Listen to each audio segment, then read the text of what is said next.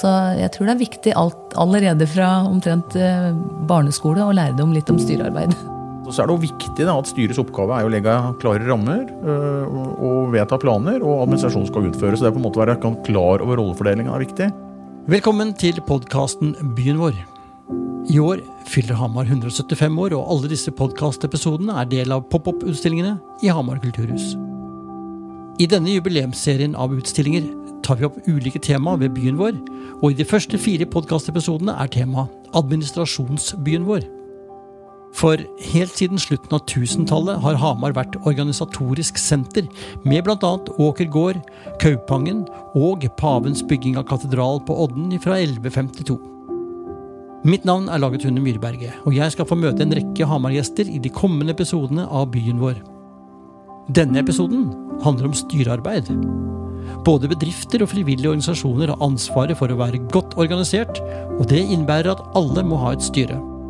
Ofte er dette gratisarbeid eller frivillig tidsbruk, men som skaper verdier for lokalsamfunnet og deg selv. I denne episoden får du møte kulturhusleder Tor Rullestad.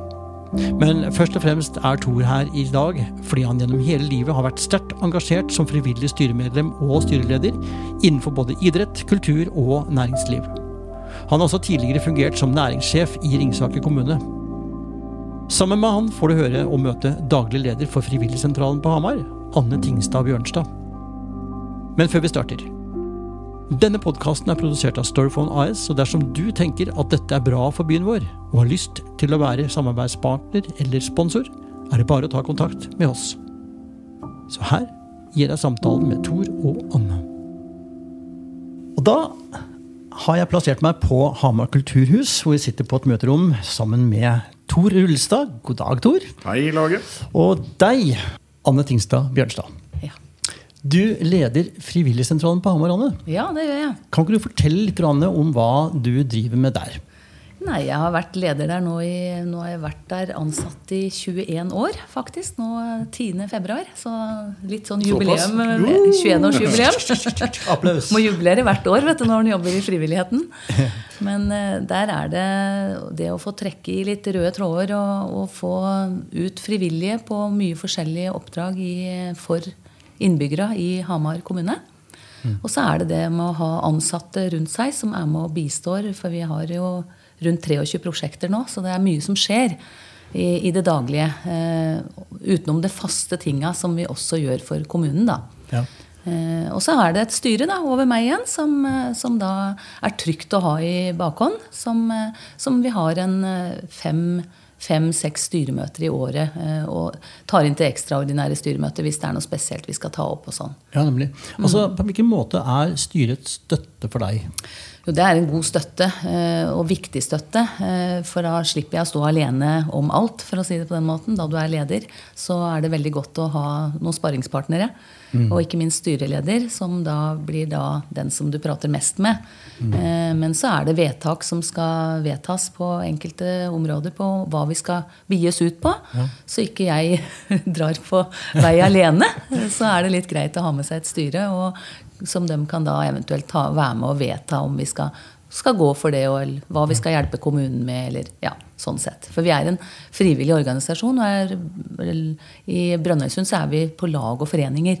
Så, Ja, så, men vi er jo avhengig av statsstøtte og kommunal støtte, og det får vi jo da i én gang i året. Ja. Mm. Du, du sier frivillig organisasjon, men du er jo ansatt der. Ja. Ja. Jeg er ansatt av styret, kan du si. Ja. Er det frivillige som også bidrar i forhold til hva dere gjør? Ja, er, vi har frivillige telefonvakter hver eneste dag som er og hjelper Mm. oss. Som tar imot oppdrag, løser oppdrag, bistår. Eh, I og med at vi har såpass mye prosjekter som vi jobber med. Ja. Eh, så, så da er det viktig at vi har den fellesskapet med å bistå, at de frivillige kan være med å bistå i, i litt sånn kontoradministrasjonsdelen. Ja, ikke sant. Du, eh, du nevnte 21 prosjekter. Kan ikke du bare liksom gi lytteren bare litt sånn feeling liksom av topp tre prosjekter som du har liksom gående? Ja, vi har- eksempler. Kan gi, vi driver veldig mye nå med å jobbe med barn og unge. Eh, Der har jo skoen trykka veldig nå i de senere tid, så vi har jo ungdomsklubb. da. Og så har vi juniorklubb, som vi har starta nå. Eh, Vi har barnetreffgruppe med aleneforeldre. Vi har eh, Språkkafé er jo også veldig viktig hver eneste uke. Ja, Eh, viktig det med inkludering. Eh, vi jobber jo med flerkulturelt arbeid også. Eh, ja, vi handler for mennesker i byen her. Vi følger mennesker til lege. Vi har turvenner. Eh, avlastning for pårørende i hjemmet. Så vi, vi, vi bistår med veldig mye forskjellig. Ja. Eh, Pluss at vi har sånne aktiviteter og, og arrangementer, da, ikke minst julekveldsarrangementet julekveldsarrangementer som vi har sammen med Røde Kors. Vi har eh, sommerdag for eldre på Domkirkeodden. Vi har 17. mai, internasjonal 17. mai-kafé. Ja, det er enormt. 8. mars-arrangement. Ja, ikke sant? Ja, Herregud, jeg kan det er- nevne det er så mye. Ja.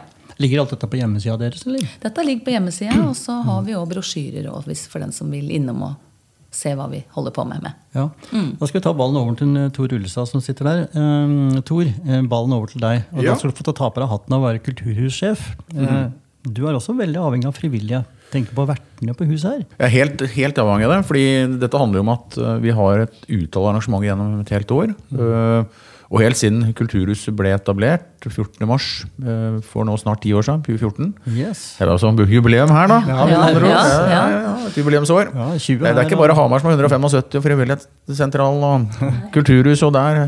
Du er vær, da. Jeg ved 60 til sommeren. Det ser du. Ja, ja, ja. Når ble du 52? Nei, jeg ble, jeg ble 50 for uh, ja, fire og et halvt år siden. Jeg blir altså 55 til sommeren.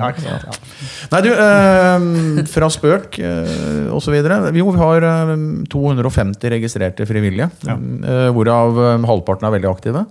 Bistår oss på alle arrangement gjennom hele året. Eh, det er stor drift om å få være med, faktisk. Mm. og vi er helt, helt avhengig av at, av at de stiller opp.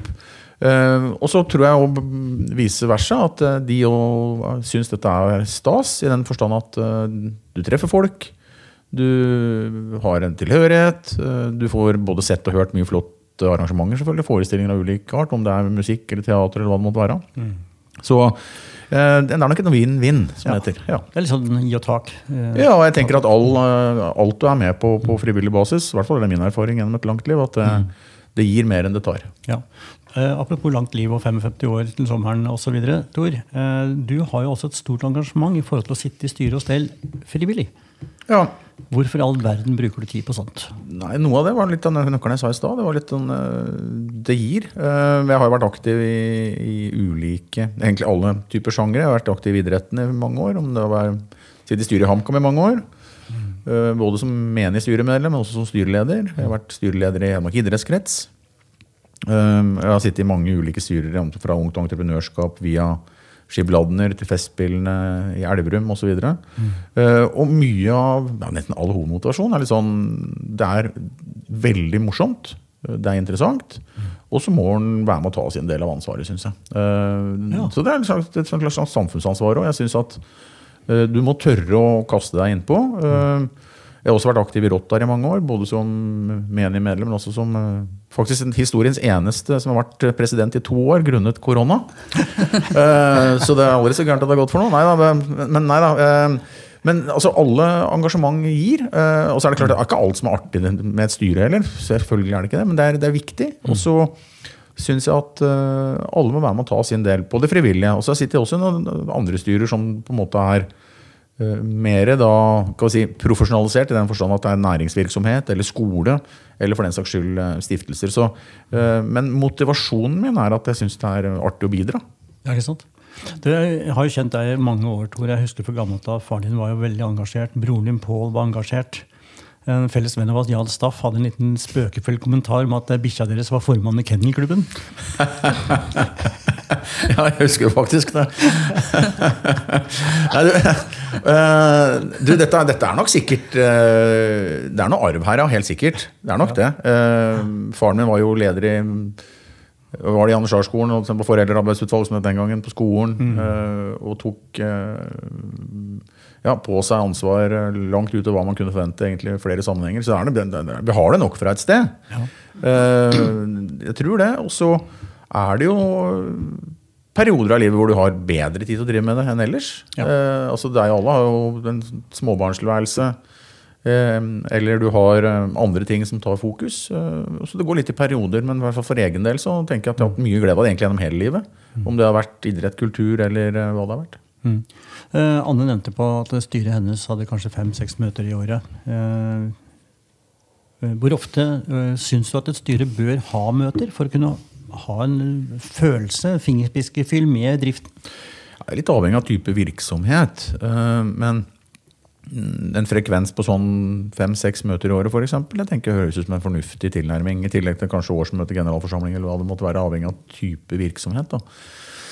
Uh, og så er det perioder kanskje hvor du må ha litt tettere møter, litt avhengig av om det skjer noe spesielt. Uh, kanskje opp mot budsjett. Uh, spesielle ting som rører seg. Men, men eh, en fornuftig frekvens. Og så er det jo viktig da, at styrets oppgave er å legge klare rammer eh, og, vedta planer, og administrasjonen skal utføre. Så det er på en måte å være klar over rollefordelingen er viktig. Og en sa det klokelig en gang at eh, husk at vi møter daglig leder seks ganger i året. Eh, Og han skal på jobben 360 dager. Da er det viktig at de seks møtene er hyggelige og gir litt næring. faktisk. Jo, men det er noe med det. Altså, det, det, skal, det skal gi inspirasjon. Du skal selvfølgelig ha styre i et styre, men det er viktig at eh, daglig leder eller den som rapporterer til styret, føler at uh, det her gir mer enn det tar. Da. For det skal være, du skal ha litt næring òg. Ja. Og da kommer vi litt med sånne detaljer knytta til styret. Altså det med styrets sammensetting. Altså hva slags folk bør man ha i et styre? Tor, eh, har du noen tanker om det? i forhold til det med valgkomité, eh, utvalg av medlemmer?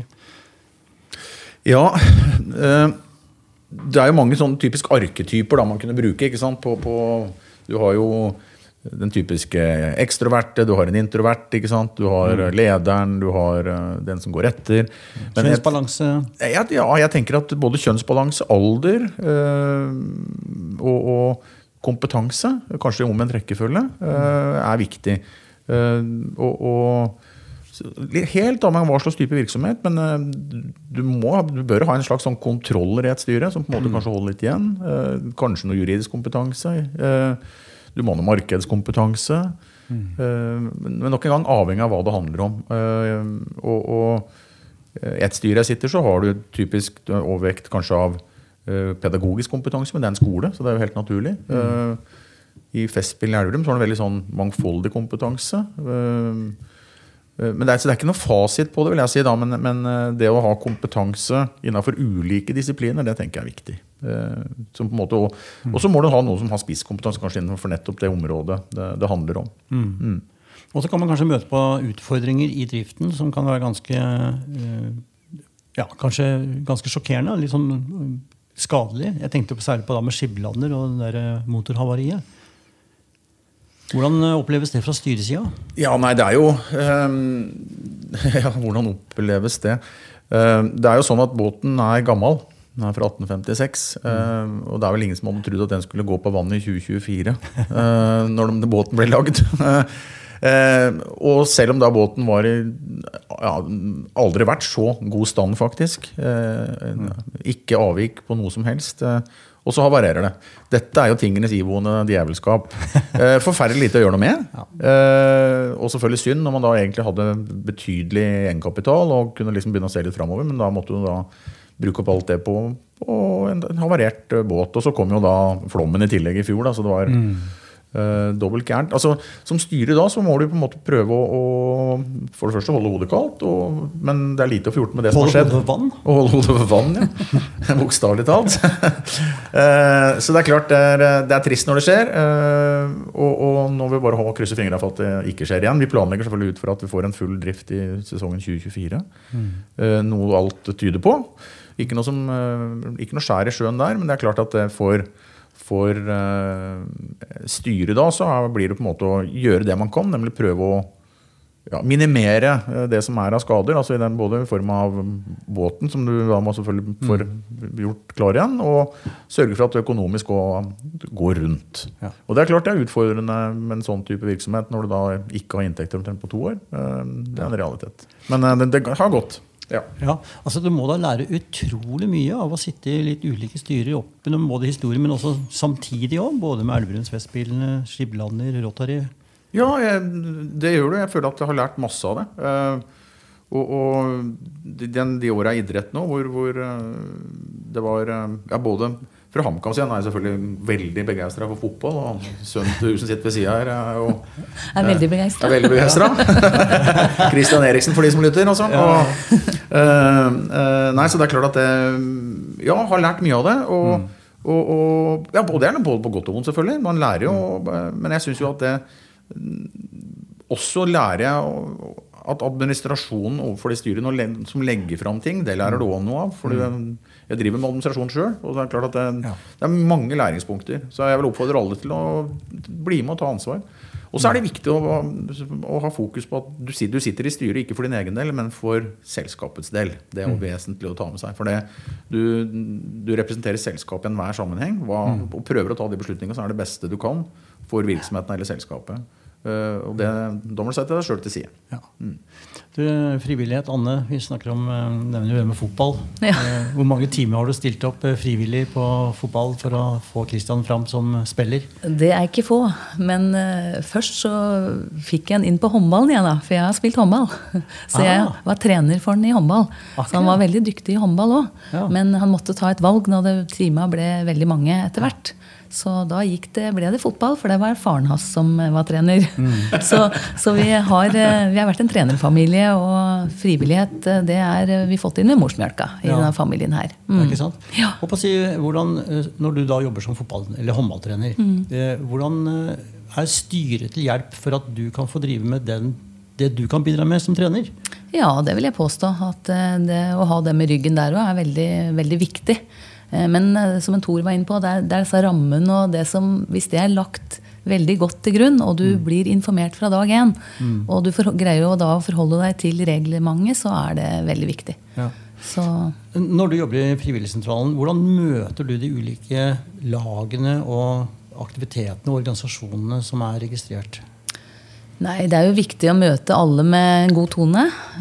Eh, Vi vil jo alle lag og foreninger som er innom oss, at de skal føle seg hjemme med en gang de kommer inn døra. Og det samme er det med de frivillige også som kommer til oss. Mm. Og da får vi en god sirkel eh, rundt oss med alle menneskene. Og så er det Vi prøver å være han nære hva skal jeg si, frivillighatten frivillig hatten på oss.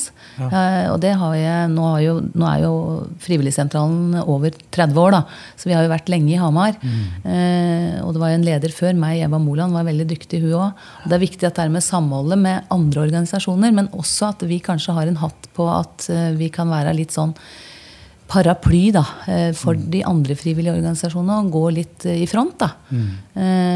Men det er viktig å ta seg av alle, eh, og at alle føler at de er med på laget. Ja. Og så er det viktig med samarbeid da, og samhandling. Det er jo veldig viktig. At, vi, at vi står sammen istedenfor å jobbe hver enkelt organisasjon på hver sitt hue. Så må vi jobbe sammen. Og ikke minst dra inn både næringsliv og, og det offentlige. Det syns jeg er veldig viktig. Jeg har, nå er i hvert fall De foredragene jeg har hatt nå i de siste 10-15 åra, det er i hvert fall med denne trekanten. Med at eh, det offentlige står på toppen, men det er viktig at næringslivet og de frivillige organisasjonene også står sammen.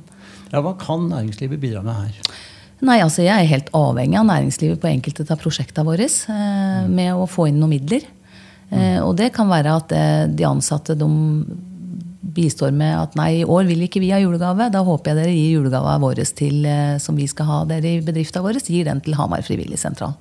Og det har skjedd flere ganger at vi har fått eh, noen julegaver som da går direkte til prosjektet. Om det, og da får de velge sjøl om det er julekveldsarrangement eller om det er noe annet prosjekt de gjerne vil at de penga skal gå til. Og Da går det til prosjekter, det går ikke til drift av Nei. Frivilligsentralen? Bare til prosjekta. Ja, Direkte. Ja. Så vi har eh, fullstendig orden på økonomien der. Vi har regnskapskontor, og det blir eh, direkte satt inn på de prosjekta som, eh, som da trenger de midla. Mm. Kan frivillige organisasjoner få hjelp av dere til sin virksomhet, sin, sin drift? Ja, altså- Kompetanse, innsikt, kunnskap? Ja, altså vil de ha det, så er det bare å henvende seg det. Så tar vi gjerne et møte med dem, vi. eh, Hvordan vi drifter både styrebiten og, og det andre. Ja. Så det er fullt mulig. Anne, det kommer et spørsmål, jeg er ikke sikker på om du er forberedt på det, men jeg vet jo at eh, frivilligheten genererer enormt med verdi i samfunnet. Mm. Er det noe tall på dette som du umiddelbart bare har i Ja, altså Nå har jeg ikke fått regna over tallene for 2023, men 2022 så hadde vi 22 årsverk, bare vi her i Hamar Frivilligsentral. Ja. Men eh, det ligger på 148 000, mellom 145, mellom 145 og 148 000 årsverk i Norge. Ja, totalt. Med frivillighet. Frivillige timer. Mm. Det blir på en måte en sånn ryggrad for hele, samfunnet. Det å bidra med sin tid, og gi av sin tid til at andre skal få aktiviteter ut av det. Mm. Men jeg ser jo òg at frivilligheten har vært i endring Ja. eh, fra jeg begynte til nå. Så, så det er viktig at det her med å fortsette at vi har denne dugnadsånden og får folk til å sitte i styret, og, og at de skjønner at det er med på å hjelpe eh, de frivillige organisasjonene. For det, det er jo noen eh, organisasjoner som sliter med å få styremedlemmer. Så en oppfordring fra Tor og meg altså at eh, folk blir med og stiller opp i styrearbeid. For det er utrolig viktig for, eh, for at eh, de frivillige organisasjonene skal driftes videre. Ja. Men, la oss holde oss litt an til det. Hva tror dere er årsaken til at det er i endring? Eller for å spørre sånn, hva er endringen som har skjedd, og hva tror dere er årsaken? Den endringen som har skjedd, det er i hvert fall det med adhoc-frivillighet har det blitt mer av. Det vil si på og av frivillighet. Nå har jeg tre uker, nå kan jeg være med å bistå. Eller at du altså Jeg ser jo den eldre generasjon som da tidligere var helt stabil frivillige, dem er mer på reise nå. Eh, så, så, men men det går helt fint an å jobbe frivillig når de er hjemme. Og så skal de bort, så ok, da ordner vi vikarer. Så vi har alltid nå lagt oss til at vi må ha noen turnuslister. Og ha et system på det at de kan fint ta ferie. For det, frivillighet er på frivilliges premisser. Så, så det er litt viktig det med at man bare frivillige organisasjoner må bare snu seg om litt og eh, gjøre det på en litt annen måte enn det var tidligere. Og så har vi fått mye flere yngre frivillige nå som stiller opp. Akkurat det er interessant. Og, og dem vil kanskje da være med på enkelte arrangementer.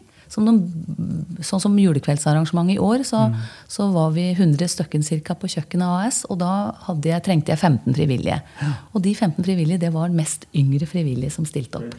Og det er interessant, for det tidligere så var det mest de eldre som stilte opp på det julekveldsarrangementet som vi har hatt i veldig mange år. Men nå var det nesten det var et par eldre, men ellers var det resten yngre frivillige som vil være med å bistå. For de syns det betyr så mye akkurat den kvelden å kunne være med å bistå og hjelpe til med andre mennesker som kommer dit. Det er vel kanskje noen andre trender også som slår ut på det her, Tor? Ja, Flere single, Ja. tidligere pensjonister, lengre lev, liv.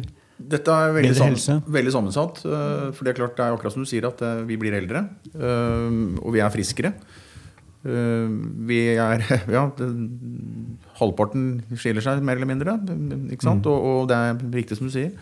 Og så tror jeg det er et annet utviklingstrekk som er øh, litt som, som Anne sier. Og det det er lettere å få frivillige til en festival enn til å få dem til å sitte i festivalstyret. De kan gjerne være med på festivalen. De kan gjerne være med på ski-VM i Trondheim. For det er veldig sånn begrensa ad hoc, som Anne sier.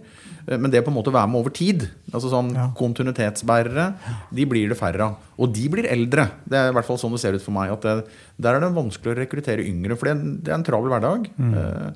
og verden har blitt annerledes. Du eh, eller jeg vet ikke om den har blitt annerledes, men han er, den er kanskje mer hektisk. Mm. og stiller kanskje større krav til jobb, større krav til å følge opp uh, barn og unge på fritida. Så det er, det er forklarbart òg, men det er klart uh, vi ser helt klart at det å etablere faste strukturer er vanskeligere enn det var tidligere. Det, det er det. Kan det også være noe med at eh, kjøp og salg, altså det å putte penger på bordet og få en tjeneste tilbake, framfor å bidra med sin tid og få en verdi tilbake, er et sånn tosidig regnestykke som er litt vanskelig for yngre folk i dag å forstå i forhold til hvordan det var før?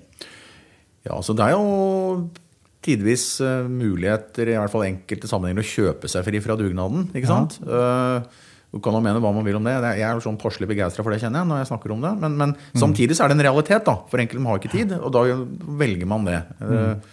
Men, men eh, For det handler om altså, Frivillighet er ikke bare å bidra med arbeid. det er faktisk Gjennom frivillighet så får du jo noe tilbake, som jeg sa i, i stad. Altså, Som gjør noe med deg som menneske, da. Ja, tror jeg. Uh, og det er noe som den trekanten som Anne sier, ikke sant? hvor du har det frivillige næringslivet og, og det offentlige. Den, dette er et sånn, eh, det er kontinuerlig samspill som bidrar mye. altså Samfunnet hadde ikke eksistert uten frivillighet. Det hadde ikke vært mulig. Nei. Og betalingen er jo gleden av å hjelpe andre. Ja. Det er betalingen. Og det er en god betaling. Så vil jeg også tro at det med nettverksbygging, altså det å være engasjert sammen med andre, altså skape noe med nettverk, kanskje utafor kanskje det som ville vært vanlig innenfor yrke eller nærmeste familie, at du plutselig treffer andre folk. Mm. Ja, det tror jeg. Og så du lærer noe av andre. Du som sier knytter nettverk, nye bekjentskap, eh, læring, eh, inspirasjon, motivasjon, begeistring. Ja. Tor, jeg følger følge opp et spørsmål på deg i forhold til det med forskjell mellom å sitte og bidra med i et styre som er frivillig, framfor å være profesjonell deltaker i et næringsbedrift i styret. Kunne du sagt litt om forskjellen på de to tilnærmingene på styrevirksomhet? Ja, altså, det er for så vidt Begge deler handler om å tenker jeg, sitte i styret og ta ansvaret. øh, Være med og legge disse rammene som jeg er opptatt av at styret skal gjøre. Og, planen er klart at I et næringsstyre så har du kanskje større krav til inntjening. Du har liksom andre måleparametere, kanskje. Men, men det er ganske synonymt. altså. Det er ganske mye likt, vil jeg mene uansett. Eh, det som jeg syns er viktig, er at du, når du tar på deg styrehatten, uavhengig av hvilket styre, eller uavhengig av hvilket styre du er, så er det der, der du er. Ja. Eh? Altså at Agendaen er hva er best tenkelig for denne virksomheten. Om det er en om lag og forening, eller om det er en profesjonell, profesjonell aktør, om en eiendomsmegler eller, en, eller et, eh, en butikk. Det, det er i og for seg det samme. Du, men der, du må ha fokuset der. Eh, og så tror jeg at eh, kravet kanskje til forståelse, det å finne hva denne virksomheten egentlig handler om, er kanskje større i, i, i næringssammenheng enn i frivillige. Men jeg vil si at eh, i et styre, uavhengig av type virksomhet, så må du, ha, du må sette deg inn i virksomheten. eh, Litt mer enn eh, bare å komme og møte, møte på møtene, tror jeg. Mm. Det, og det gjelder for så vidt uavhengig. Så det er ikke så stor forskjell, mener jeg, men, men mm. kanskje noe større krav til, til deg som styremedlem i en privat virksomhet. Men i en lag og forening det bruker vel så mye tid på, på styrer der som man gjør i det private, kanskje mer. Ja. Så har vi dette med personlig ansvar for økonomisk, altså økonomisk personlig ansvar for styret og virksomheten.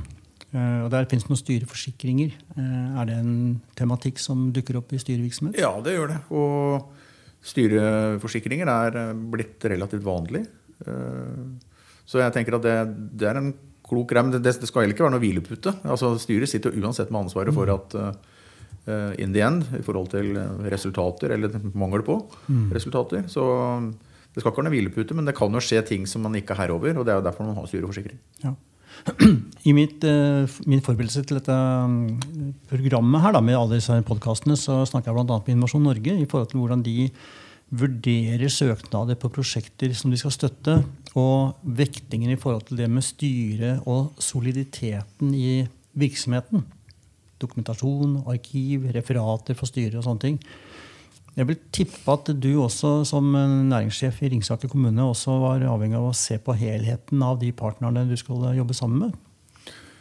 Ja, altså Det er jo alltid sånn at uh, det er viktig. Det er jo nesten uavhengig av hva du skal drive med, tenker jeg. da. Uh, at Å vite litt om, om det. Og så er det klart, uh, noen ganger så må du risikere. Altså Hvis, hvis du tenker sånn næringsutvikling, så, er det, jo så må du prøve litt. Da. Eh, Derfor har jo, altså, Ring- Når du nevner Ringsaker, så hadde Ringsaker et næringsfond som jo skulle være litt sånn risikokapital for enkelte ting. Ja. Men, men øh, som, som næringsaktør, og når du skal f.eks. ved etableringen, kjøpe igjen næringstomter, sånne ting, så vil summen av alt det du sier, være viktig. ja. Ja. Eh, Er det noe ved det digitale som kan gjøre at man distanserer seg fra det å stille opp på frivillighet? Åpent spørsmål til begge to. Ja, Det digitale har jo tatt over mye, det har jo det. Men eh, jeg ser jo dette her med Det blir aldri det helt borte det at du må, du må snakke med et menneske direkte òg. Det kan ikke bare være Teams-møter, og vi må møtes av og til. Ja. Eh, Så jeg tror den frivilligheten òg, den, den blir eh, At de kommer og vil være med, altså. Men det digitale har jo tatt over en del. Men det er òg et hjelperedskap, rett og slett. Ja, for jeg tenker særlig på det med at eh, det å ha digital sosial kontakt kan bli et slags substitutt for å faktisk komme seg ut og fysisk treffe folk. Og at eh, det fanger kanskje noen i å bli mer digitalt sammen i nettverk enn å være fysisk til stede i lokalsamfunnet. Ja, jeg tror, øh, jeg tror du var inne på noe. Det vi lærte under covid, eller korona, var jo at øh, det, og Da satt det mange styrer. Jeg husker det var et styremøte umiddelbart etter øh, den 12. mars. Jeg lurer på om det ikke var den 13. mars. Hvor han som leda møtet sa kan vi ta oss en virtuell bolle eh, og en virtuell kaffe. Eh, og så ble det jo sånn. Altså, du møttes jo med en kaffekopp på Teams. eh, Eller en, for den saks skyld en fredagsspill som enkelt hadde. For det var den eneste sjansen du hadde på sosial kontakt. Så det er bedre enn ingenting. Ja. Men så tror jeg han er helt kjernepunkt av det at det, du ser ikke kroppsspråk på Teams. eh, Du får ikke klemt på Teams. Altså, Vi har behov for sosial omgang. eh, Vi har behov for å hilse. Jeg husker når jeg først begynte å hilse etter møter etter korona. Hvor godt var ikke det? liksom? Kunne vi da ta folk i hendene igjen? Ja. Jo, men altså, det er litt sånn, eh, så jeg, jeg tror at det, det er et sånn grunnleggende behov du har som menneske, tror jeg. Eh, At du, du må møtes fysisk. Men det som jo har Teams har lært oss, og det, er virkelig at det er effektivt. For det, det er ikke noe snikksnakk, det er ikke noe dilldall. Du går rett på sak. Men det blir veldig rasjonelt. Så i noen saker er det kjempefint. Raske avklaringer, raske styreavklaringer, raske møter. Fint. Men skal du på en måte ha litt sånn gode prosesser og gode samtaler, og at alle på en måte har følt at de har vært med en del av, av eh, det, så eh, er det viktig å treffes. Ja. Jeg har en, også en betraktning til, og det er at det, dette med å være en del av organisert virksomhet, det er gjerne som noe som voksne folk har erfart gjennom hele livet og ser verdien av jo eldre man blir. Eh, hva kan man gjøre for å styrke opp organisering og viktigheten av det for yngres ønsker om å få sine aktiviteter i ung alder, og allerede der komme i gang godt med et solid arbeid med organisering og administrasjon av virksomheten? Nei, jeg ser jo bare, jeg kan ta bare, Nå har jo vi starta ungdomsklubb for tre år siden hos oss. Og jeg ser jo, dem har jo eget ungdomsstyre. Bare i den ungdomsklubben hos oss. Og det er for at de skal være med å bestemme fra dag én hva de skal holde på med, og hva de skal drive på med. Og det er utrolig viktig for dem. Og da føler de seg mer engasjerte. Og de føler at dette her vil jeg være med på. Og, og jeg tror det er viktig at vi åpner opp for de yngre. At de skjønner at dette her er, kan du være med å bestemme deler av livet ditt, og hva du skal være med på. Så jeg tror det er viktig alt, allerede fra omtrent mm. barneskole å lære dem litt om styrearbeid. Hvis ikke du Ja, jeg, jeg er helt Har enig. noe- Nei, jeg er helt enig. Og jeg tenker Ja. at det er, eh, det er nesten en plikt synes jeg, at eh, vi skal legge forhold til rette for at eh, de skal kunne lære seg disse prosessene. Mm. Du begynner jo elevråd allerede på barneskolen. ikke sant? Eh, Du har det på ungdomsskolen. eh, Så har du jo elevråd og, og, og for den saks skyld samarbeidsutvalg blir det på videregående. Du har russestyre. Jeg tror det er masse demokratisk læring i dette der. Eh, og, og sjøl hadde jeg i hvert fall veldig stor glede av både elevråd og jeg var jo for så vidt russeformann. Rett nok en liten jeg Stange kommunes første russepresident, men det var 24 elever slags som du skryte av. Eh, musikklinja. Eh, eh, tror, jeg tror til og med det het russeformann. Uh, Ja, det, det det. Det heter det. Jeg det het det. Jeg husker det. Eh, så nei, eh, nei, så jeg tror at det, det er viktig. Er helt enig i det Anne sier, at å, å la dem på en måte være med å ta prosesser, og ikke minst at også har ansvar for de beslutningene de tar. eh, Ikke sant? Det handler om tidlig læring i det. Så, og det er litt sånn som eh, i, i i vårt arbeid her og i Fridskoleba i kommunen, så er det jo vi skal være tilretteleggere og prøve å være litt sånn gartnere, og ikke kelnere. Ikke sant? Altså, Ja, godt poeng. For det er klart at hvis, hvis du serverer hele tida, så, så blir det jo ikke noe. om. du må være en slags gartner og pløye litt. Og få de sjøl til å være med og ta initiativ, og, få, og være med da til å ta beslutninger. For så igjen å få bli involvert. ikke sant? Altså, øh, og sånn er det på Hamar kulturhus òg. Altså, vi, vi prøver å tilrettelegge som best vi kan for at øh, andre skal kunne ja, utøve aktivitet, preparere bakken som de kan så langt de klarer.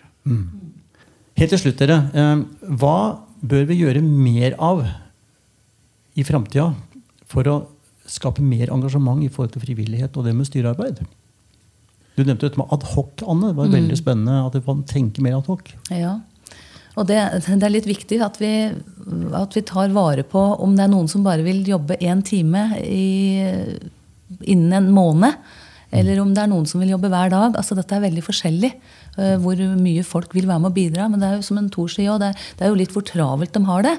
Men da må vi være åpne for å ta imot alle mennesker som kommer som har mulighet en time eller to. eh, eh, for å tilrettelegge på best mulig måte for, for de som kommer. Og være åpne og positive uansett om det er en time eller om det er hele uka for min del som de kan være med og hjelpe til. Ja. Ja, jeg deler veldig det Anne sier. Her er alle viktige eh, å få med. Og så tror jeg det er senke terskelen og, og ikke minst eh, forklare og fortelle og formidle at eh, det er ikke farlig å sitte i et styre. Det er snarere tvert imot. Det er både lærerikt og morsomt. Uh, Sjøl om alt eh, er litt arbeidsomt. Det er det. Men det er lærerikt. Det er det. Så definitivt. Det er ikke noe som kommer av seg sjøl. Det er ikke det, Nei, vet du. det er ikke det. Det er ikke det. Så til dere som lytter på denne samtalen her, så ta initiativ, se muligheter og bidra inn i både styre og stell, så vil dere antakeligvis få et eh, rikere nettverk og et mer spennende liv her på Hamar. Takk til dere begge to for en hyggelig samtale. Takk i Takk i like måte. Og vi høres til neste episode. Takk for at du har lyttet på denne episoden av vår podkast Byen vår. En stor takk til Tor Anne for deres innsikt og tanker om dagens tema. Før vi avslutter, vil jeg gjerne få takke vår samarbeidspartner gjennom hele jubileumsåret 2024, nemlig Hamar kommune med byjubileet.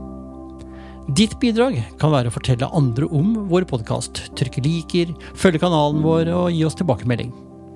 Denne podkasten er produsert av Storfond AS, og dersom du tenker at dette er bra for byen vår, og har lyst til å være samarbeidspartner eller sponsor, så er det bare å ta kontakt med oss. Vi høres i neste episode. Thank you.